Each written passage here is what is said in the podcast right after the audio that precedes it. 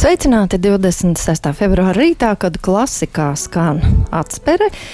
Jāsaka gan, ka mēs visas šīs pēdējās dienas esam dzīvojuši kā uz atspērēm un notikumu Ukrainā mūs nekādi nevedina uz izklaidi, pie kā ir pieskaitāms arī šis sestdienas rīta raidījums. Tomēr arī kāda miera saliņa ir vajadzīga, un tāpēc mēs būsim ar jums kopā, runāsim par kultūru, žurnālistiku. Un tāpēc studijā šeit ir Gunda Vaivode, pie skaņa pults Sendija Burkašai Cānova, un es saku labu rītu kino producentam un žurnālistam Gintam Grūbem. Sveiks, Gint! Sveiki! Pirms nedēļas eh, te tavā vietā stāvēja Glebs Panteļējos, un viņš eh, ļoti jauki teica, ka pasakaini ir nākt eh, sestdienas rītā uz radio, staigāt pa tukšo vecrīgu, nekādu sastrēgumu, un ir tik laba sajūta, tik skaista pilsēta, es viņam tiešām domās arī pievienojos.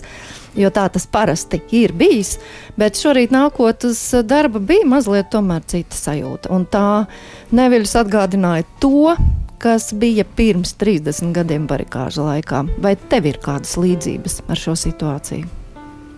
Nu, protams, ir kaut kādas ķermeniskas atmiņas, bet eh, domājot par to rītu, ko tu teici, man liekas, ka tas ir diezgan zīmīgi.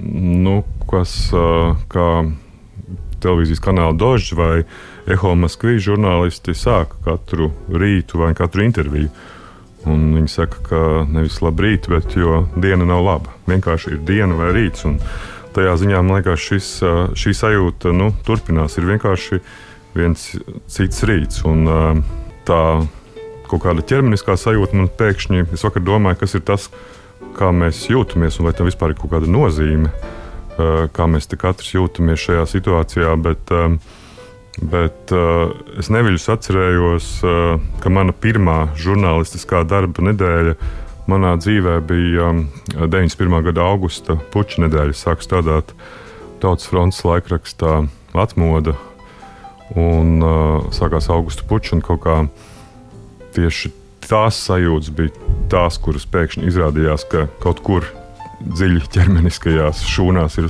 ir saglabājušās un, un palikušas un uh, dzīvo. Un, uh, kā mēs zinām, uh, puķis beidzās par labu mums, un uh, uh, droši vien, ka šajā gadījumā tas šūns nemelo. Un, uh, tās beigas būs, protams, mūsu pusē, bet uh, nu, kāds, cik ilgu un, un laiku ilgu, tas prasīs? Kurā, kurā, kurā brīdī.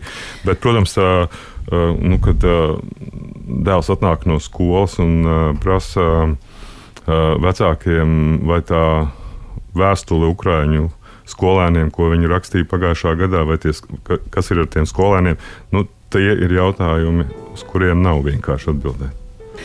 Jā, protams, ir pagājis laiks, 30 gadi kopš tās pirmās reizes. Arī mēs paši bijām daudz jaunāki un kaut kā lietas uztvērām citādāk. Toreiz man ir ļoti prātā palikusi tā, nu, es teikšu tā, varbūt netipiska tai situācijai, bet tā dziesmu svētku sajūta. Ja, ka mēs te bijām, meklējām tās mūzikas un, un viss bija tādā šausmīgi lielā pacēlumā, neskatoties uz to, kas notiek ārā. Un tad, kad vakar es gāju mājās no darba un pie kongresa pilsētas bija šis koncerts, tad tā sajūta atkal atgriezās. Ja tu teici, ka tu arī aizvedi savus Jā, savu... norvēģu kolēģus paskatīties. Jā, jo, jo, jo, protams, pirmajā mirklī likās, nu, kāds, kāds koncerts, kāda dziedāšana tajā brīdī, kad uh, Ukrainā notiek kaut kas tāds, kas notiek. Bet uh, man šķiet, ka tā bija ļoti pareiza izvēle, jo jebkura reakcija, jebkura šāda veida izpausme, kas uh, nu, mūs nomierina un palīdz savākties, ir derīga. Un, un, tā, un, un šī te, nu, mūsu mūzikas pieredze attiecībā uz uh, uz 80. gadu beigām revolūcija ir, ir tieši tā pati šūnu atmiņa, kas mums ir un viņa strādā. Un viņa, un man liekas, ka tas ir bija, tas, skat, tas skats bija ļoti spēcīgs. Nu, es pat šorīt nācu garām tai dubļainajai vietai ap, ap Krievijas vēstniecību, un, un tie bija tādi sidrabotie dubļi, kas tur bija. Jā, nu, dažādas akcijas vēl sekos. Es zinu, ka vēl mūziķi ir uh, ieplānojuši arī nākamajā nedēļā tādas rīkot, un būs arī Baltijas valstu radio kopīga akcija. Tā kā uh, lūkosim uz labu, bet šodien, uh, protams, katram cilvēkam, kurš ir viens, viņam ir arī kāda sava īpaša diena, un šodien tāda ir tiem, kuri ir piedzimuši 26. februārī. Un ir arī vārda dienas. Jā, vārda dienas šodien ir Evelīnai, Mētrai un Aurēlijai, kurām arī sveiciens.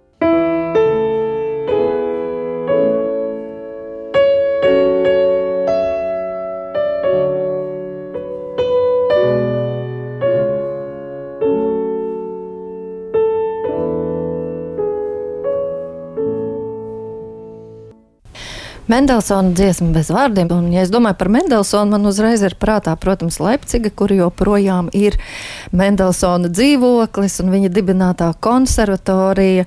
Eh, tava pilsēta, es varētu teikt droši vien, ka ir Berlīna, bet es eh, nešaubos, ka tu esi arī turpat netālu Leipzigā bijis tomēr. Ginti.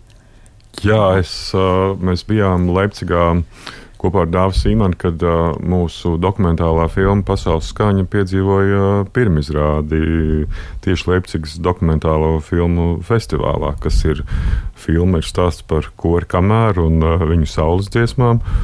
Un, uh, tas bija ļoti nu, patīkama nu, pieredze, ka uh, Uh, nu, man šķiet, ka tas bija arī kaut kāds vispār pirmais no dokumentālo filmu festivāliem, kuros uh, es piedalījos un mēs piedalījāmies. Un, un, un, un tas, prot, to, protams, uh, nu, vienmēr atcerās. Kā tad? Nu, Nelsons toreiz vēl nespēlēja mm. Leipzigā, bet, bet jau toreiz varēja nojaust, ka kaut kad viņš spēlēs. Šo, ar šūnām. jā, jā. jā. jā nu. Berlīna ir vienkārši mana studiju laiku pilsēta, ar kuru man saistās gan, gan muzikālas atmiņas, jo es, kā, Vācija ir tāda ļoti demokrātiska un Berlīna pret studentiem, tad man to studiju laikā es centos nelaist garām nevienu Berlīnas filharmoniķu koncertu. Andris Nelsons vēl bija jauns students un māceklis, kurš brauca pie Marisa Jansona mācīties. Šādi arī atnāca ar kājām līdz, līdz manam dzīvoklim. Un, Un tās bija, tā bija tāda nu, patiešām pieredze, kur paliek uz mūžu tā pilsēta. Nu, tagad arī vēl daudz Latvijas studenti ir tur un tieši mākslas augstskolās, kas ir arī ļoti iepriecinoši. Tu pieminēji Andri. Andrim šovakar, starp citu, ir kopā ar viņa otru orķestri, ar Bostonas simfonisko orķestri un kopā ar Baibu Skrīdi koncerts Bostonā. Viņi spēlēs pērta kantus Britena piemiņai un spēlēs arī Šostakoviča pirmo viola koncertu. Un, kā jau mēs ziņojām, otrā lielajā Amerikas pilsētā, Ņujorkā, Kārnegija zālē, protestējot pret Putina režīmu atbalstītājiem, ir no Vīnes filharmoniķu koncerta diriģēšanas atcelts Valērijas Gergijevs un arī solists Denis Macujevs. Un savukārt vakar izlasījām Špīgeli, Minhenes mērs Dīters Reiters esot piedraudējis Gergijevam, ja viņš līdz pirmdienai nepaudīs skaidru nostāju pret karu Ukrainā, tad viņam ir jāpamet filharmonijas vadītāja postenis, jo Kijeva, kā zināms, ir Minhenes sadraudzības pilsēta. Gint, kā tu redzi šo mākslas pasaules un politikas sazobi? Ir tik dažādi viedokļi. Viena saka, ka nav ko jaukt visu kopā, un otri tomēr saredz vistiešāko propagandas mehānismu. Tur nav nekādu jautājumu vai šaubu. Ir, uh, jebkura pozīcija vai attieksme ir, uh, ir būtiska. Un uh, nav tādi, nu, manuprāt, neviens mākslinieks nedrīkst klusēt. Ja tu saki, ka kāds nepauž savu viedokli, tad, nu, tad tā jau ir diezgan nožēlojama rīcība. Jo man liekas, tas, kas šobrīd palīdz un palīdz arī tiem cilvēkiem, kuri kultūras jomā darbojās Krievijā, kurus arī es nu, pazīstu nu, viņiem ir būtiski nu, šo drosmi dzirdēt no tiem, kas ir gan ārpus Krievijas, gan arī pašā Krievijā. Un mēs viņu, diemžēl, šobrīd nedzirdam tik lielā mērā, jo acīm redzot, ir gan, gan bailes vai kaut kādas nu, nezinu, konjunktūras sajūtas, kā nu, tas vēstures rats noslēgsies, bet mēs jau zinām, ka viņš noslēgsies mūsu pusē. Mhm. Tāpēc, tāpēc es piekrītu visiem tiem, kuri jau ir pauduši, ka nezinu, tur Boris Sakūņins, Grebenšķikovs, eh, kas ir nu, pauduši ļoti konkrētu attieksmi un, un visu cieņu šiem cilvēkiem. Un, jo tā ir drosme eh, dzīvot šobrīd Krievijā un iestāties skaļi pret. Un, un līdz ar to visu cieņu. Es domāju, ka tā ir arī nu, būtiska attieksme arī no mūsu māksliniekiem. Studijā ir Gunda Baivode un kino producents un žurnālists Gins Grūbe. Un jāsaka, ka šis ir balvu laiks, jo 8. martā tiks pasniegtas lielās mūzikas balvas, šovakar jau ierakstu balvas zelta mikrofons, rīt ir lielais kristaps, bet pirms nedēļas Gint, tu kā producents un arī viens no režisoriem saņēmi balvu kilograms kultūras par daudzsēriju filmu Emīlija Preses karaliene. Un par to finālā nobalsoja skatītāji tieši. Tas bija gaidīti, pārsteigums. Ne, tas, protams, bija negaidīti, jo tas tomēr ir seriāls. Tā nav spēļu filma, ne, ne dokumentāla filma. Tas, ir, nu, tas bija tāds arī mums pašiem nebijusi pieredze. Un ļoti paldies nu, skatītājiem, kuri, kuri balsoja. Un, Bet skatītāji televīzijā vēl nemaz to nav redzējuši. Tas ir tad, te vēl tikai būs. Jā, bet mēs rādījām gan kinoteātrī, gan, gan TET platformā to varēja redzēt. Un televīzijā, jā, pavisam drīz jau šķiet kaut kad marta vidū jau parādīsies arī un varēs redzēt tie, kuri nav redzējuši. Kam pieder ideja par šīs tēmas iedzīvināšanu tieši šobrīd? Nu, droši vien, kā mēdz teikt, ka tās idejas ir kaut kur gaisā, un tad kaut kādā brīdī kāds viņus satver. Un, un man šķiet, ka tas tā arī bija nu, šajā gadījumā. Jo bija skaidrs, ka mēs dzīvojam tādā seriālitātes laikmetā, un ja mēs domājam par to, kas ir tādi nu, lielie stāsti pagājušajā gadsimtā, tad bija skaidrs, ka tā prese un uh, 20. un 30. gadi un uh, Emīlijas Benjāmiņas liktenis ir tāds uh, lielais stāsts, ar kuru var izstāstīt uh, nu, kaut kādu zināmu posmu Latvijas vēstures. Un, ja kaut kādi jaunas paudzes kinematogrāfisti ironizē un prasa, nu, cik var taisīt tās filmas par vēsturi, nu, tad man liekas, šis laiks ir atbilde, kāpēc mums vajag taisīt uh, filmas par vēsturi un kāda tam ir uh, nozīme. Lai, nu, lai vienkārši šo pieredzi, kura ir bijusi mums vai mūsu uh, vecākiem un vecvecākiem, nu, atdzīvinātu. Jūs bijāt četri režisori. Andris Mizišs, Kristīna Žēlva, Dāvis Sīmenis, tu pats. Vai jums bija viegli sadalīt tās sērijas un tos laika posmus savā starpā, kā jūs pie tā nonācāt? Tas bija ļoti kolēģiāli. Mēs, protams, kā producenti ātri nu, sadalījām to, tos stāstus, ko kurš stāsta. Kur ir šis spēcīgās sievietes stāsts, kur ir uh, cīņa par varu, kur ir uh, apvērsums. Tās bija tādas nu, tēmas, kuras uh, nemaz tik bieži Latvijas kino vēl nav, nav, nav bijušas. Un tajā ziņā viņas bija nu, jaunas un kaut kā ļoti nu, organiski tas salikās. Uh, Dāvis Sīmens, kuram bija jāstāsta šī beigu sērija. Tas arī kaut kā likās ļoti loģiski. Ka, un, Tās nebija ne, ne cīņas, tā patiešām bija tāda nepieredzēta koleģialitāte savā starpā, kur neviens nemēģināja pateikt ka otram, ka ir pavisam citā virzienā jāiet. Tā bija saskaņa. Bet tu jau esi ne tikai režisors, bet arī producents tam visam kopā ar Inesi Boku grūbi.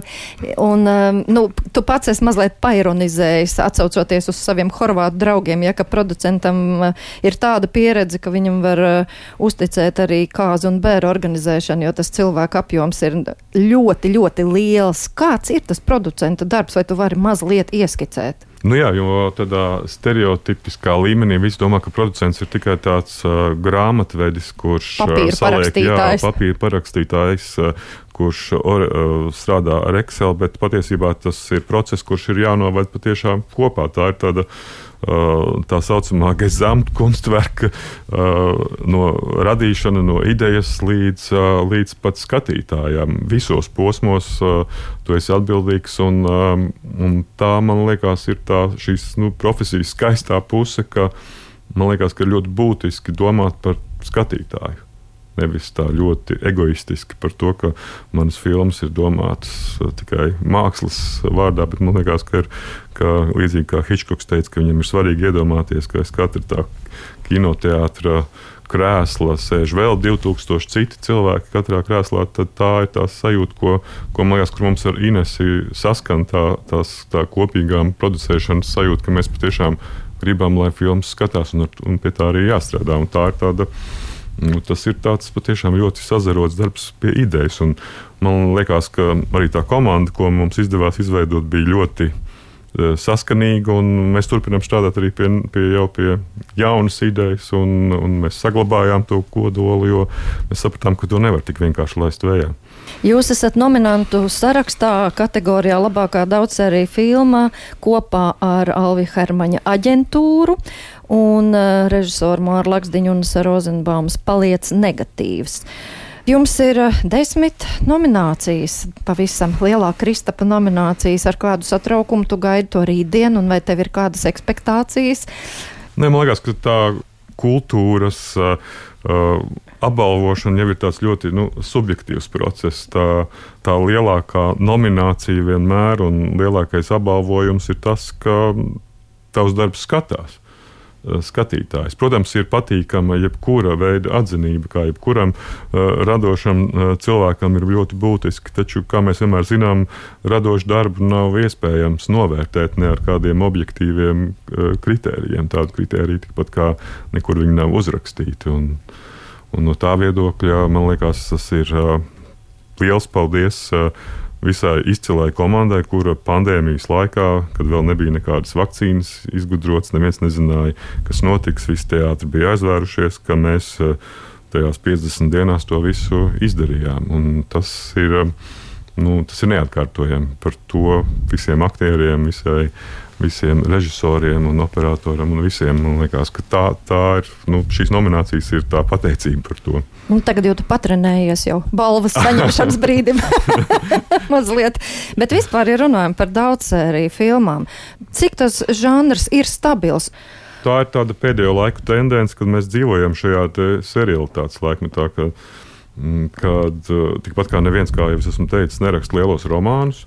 Eh, tagad visi veido lielos garos seriālus un arī skatās. Un, uh, tie ir tie mūsdienu romāni kaut kādā ziņā, un to nišu mēs esam ieņēmuši. Latvijā tas ir tikai pēdējos gados noticis, pateicoties tam, ka nu, bija tāda iespēja, ka kinocentrs varēja iesaistīties tajā, lai tie seriāli būtu kvalitatīvāki nekā tikai tādi nu, īslaicīgi dzīvojošie, lai mums gribās viņus paskatīties arī pēc pieciem vai desmit gadiem.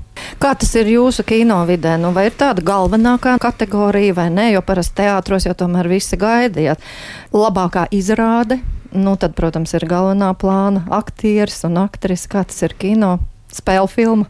Nu, es, protams, esmu par to, ka jo vairāk to nomināciju un balvu, jo labāk. Jo, jo Berlīnas kinofestivāls un citi tagad sāk apspriest, ka nevajag tur izdalīt speciāli labākā sieviešu vai labākā vīriešu lomu, kā aktieris vispār, lai saglabātu šo dzimumu neutralitāti. Tad man šķiet, ka kā tāda muļķīga matu skaldīšana. Man liekas, ka jo vairāk labi aktieri saņem balvas, visu dzimumu, jo, jo, jo visiem ir nu, lielāka motivācija strādāt tālāk un, un, un, un veidot labus filmus.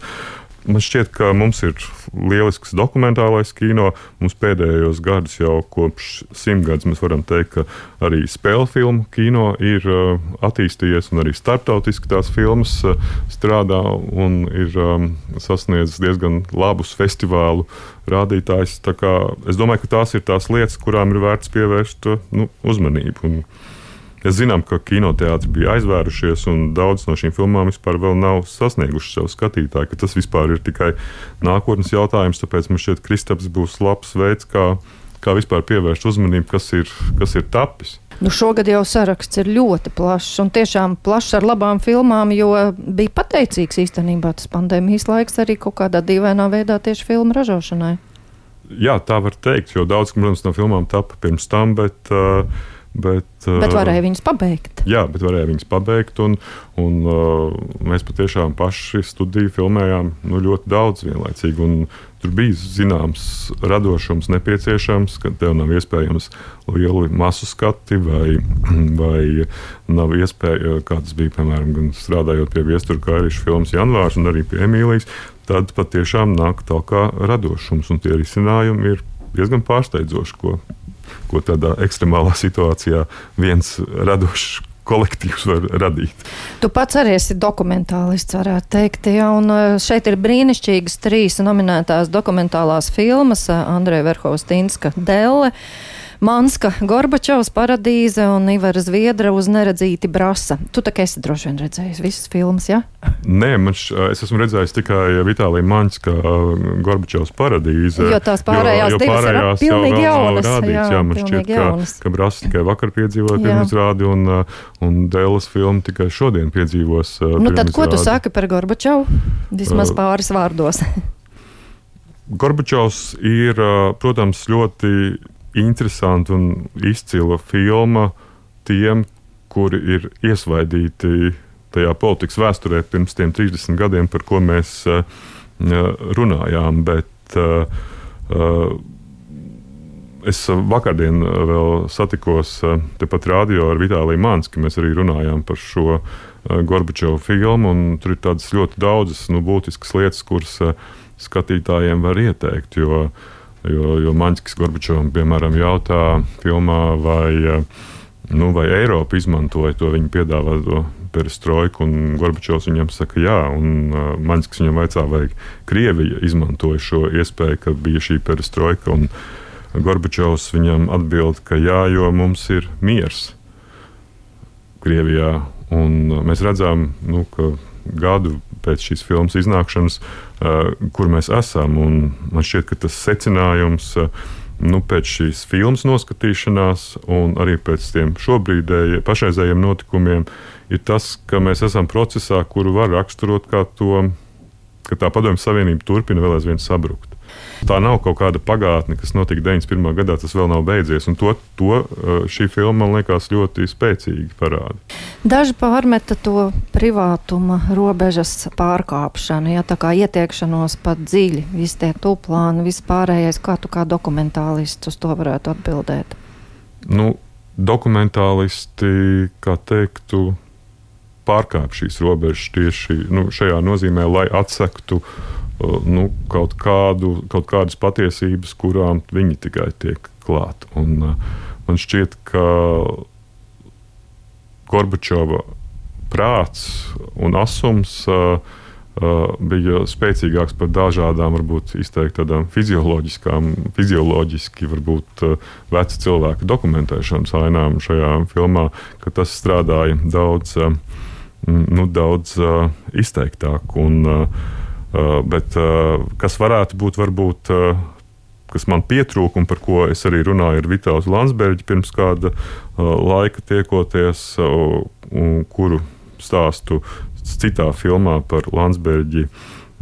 Sergejs Lozņits attīsta par to, ka Gorbačovs tomēr ir līdzvainīgs tajos 91. gada 13. janvāra notikumos Viļņā.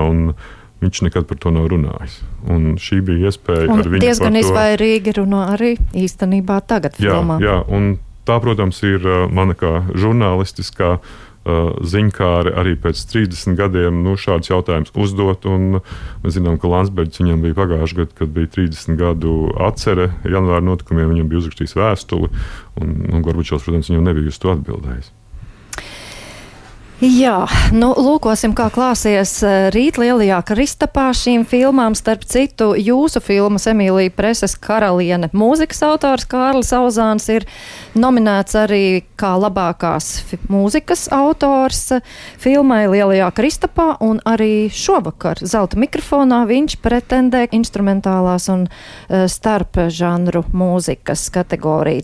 Vēlēsim veiksmi visiem filmu veidotājiem rīt Lielajā Kristapā, un mēs ar ar Gintu Grūbi droši vien turpināsim vēl sarunu par žurnālistiku.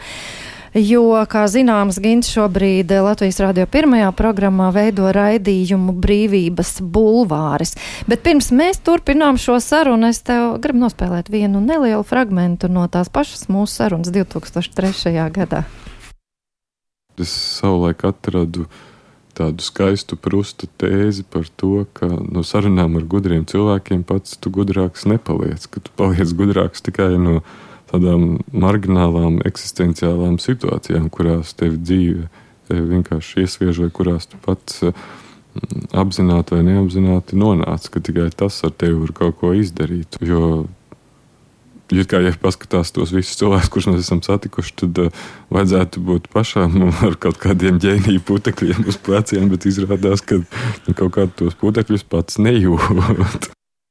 Nu tā, atļauj man prustam un tev tomēr nepiekrist, jo man liekas, ka tomēr no sarunām ar gudriem cilvēkiem mēs kaut ko gūstam un tiešām kļūstam gudrāki. Jo kāda tad jēga vispār ir intervēt? Un tu taču to dari tagad jaunajā raidījumā. Tu esi nointervējis trīs fantastiskus cilvēkus, personības. Māru Zālīti, Kasparu Zēli, Vītautu Landsbergi. Nu, kāpēc tu to dari?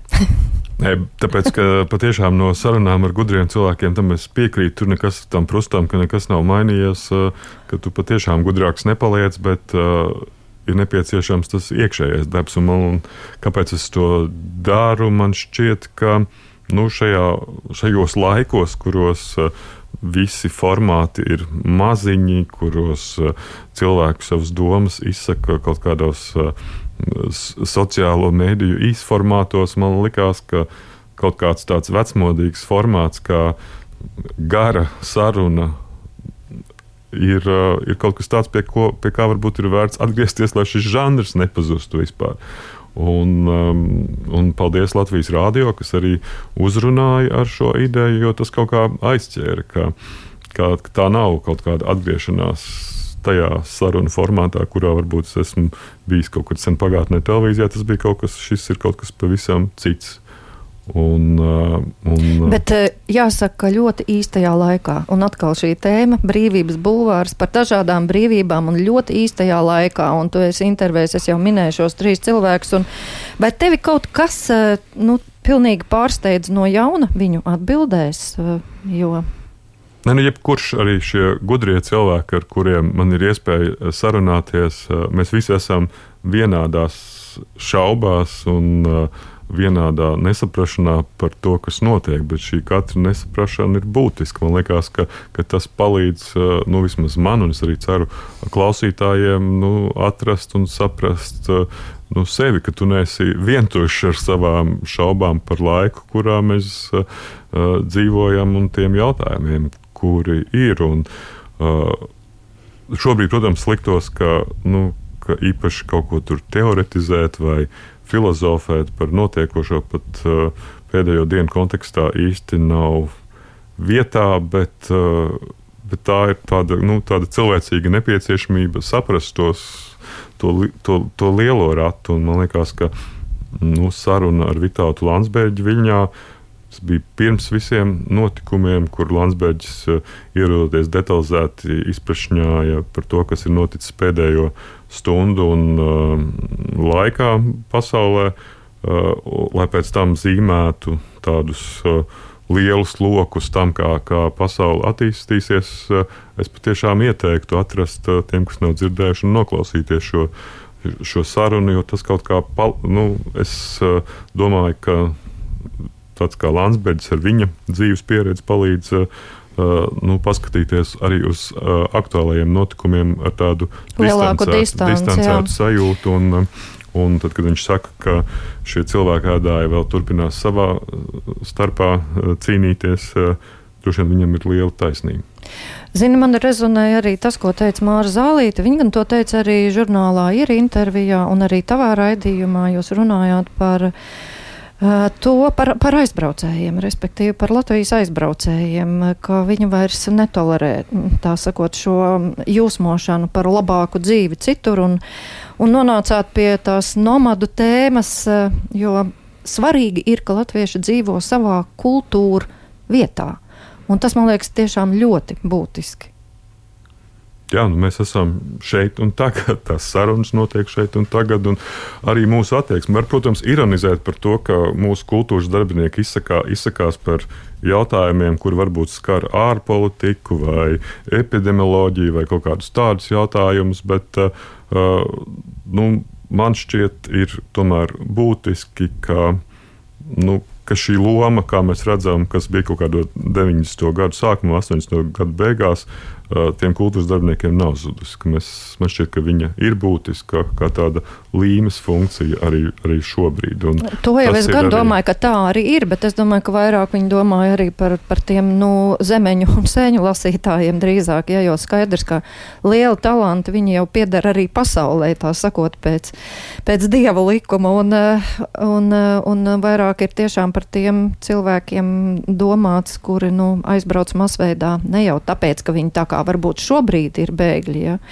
kas brauc kara dēļ kaut kur bet projām. Tie ir arī bet... mūsu cilvēki. Jā. Viņi, es zinu viennozīmīgi, ka rādot filmas, viņiem ir ļoti būtiska šī piederība Latvijas kultūras. Jā, tas gan, ka viņi to kopja, un, to kopja arī tajā jā, vietā, jā. kur dzīvo. Tā kā jā. tajā ziņā tie nav nekādi pazudušie cilvēki. Tu tomēr esi tādās domās, jā? Ja? Labi, tā, tā ir atkal viena priecīga ziņa, kur, uz kuru saņēmām atbildi. Paldies, Gint.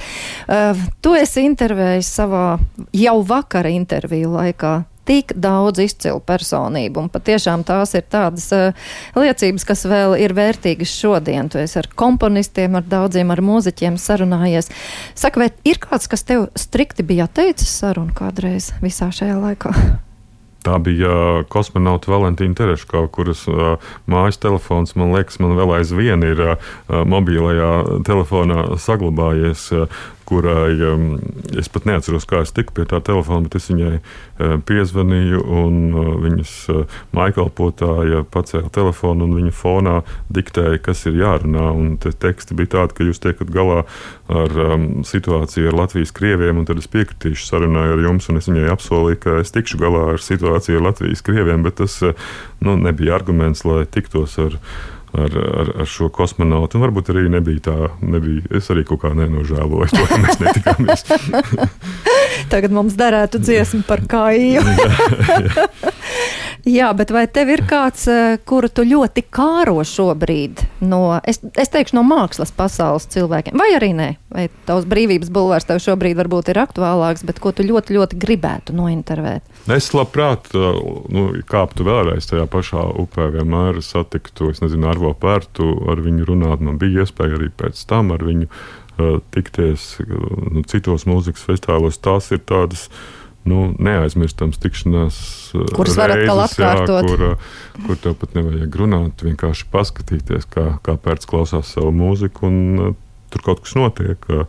Un, jā, nu, ar pašu kaut, jā, kaut kas tomēr notiek. Jā, tu gudrāks tomēr laikam varbūt paliec kaut kādā ziņā. Tur, tur tam prustam nebūs bijusi taisnība, bet ar, ar man liekas, tajā ziņā tā mūzika ir varbūt augstāka māksla par citām, jo gan Kančēlī, gan, gan daudz citu komponistu, ar ko bija iespēja tikties, viņi, viņu mūzika nu, turpina manī vēl aizvien dzīvot.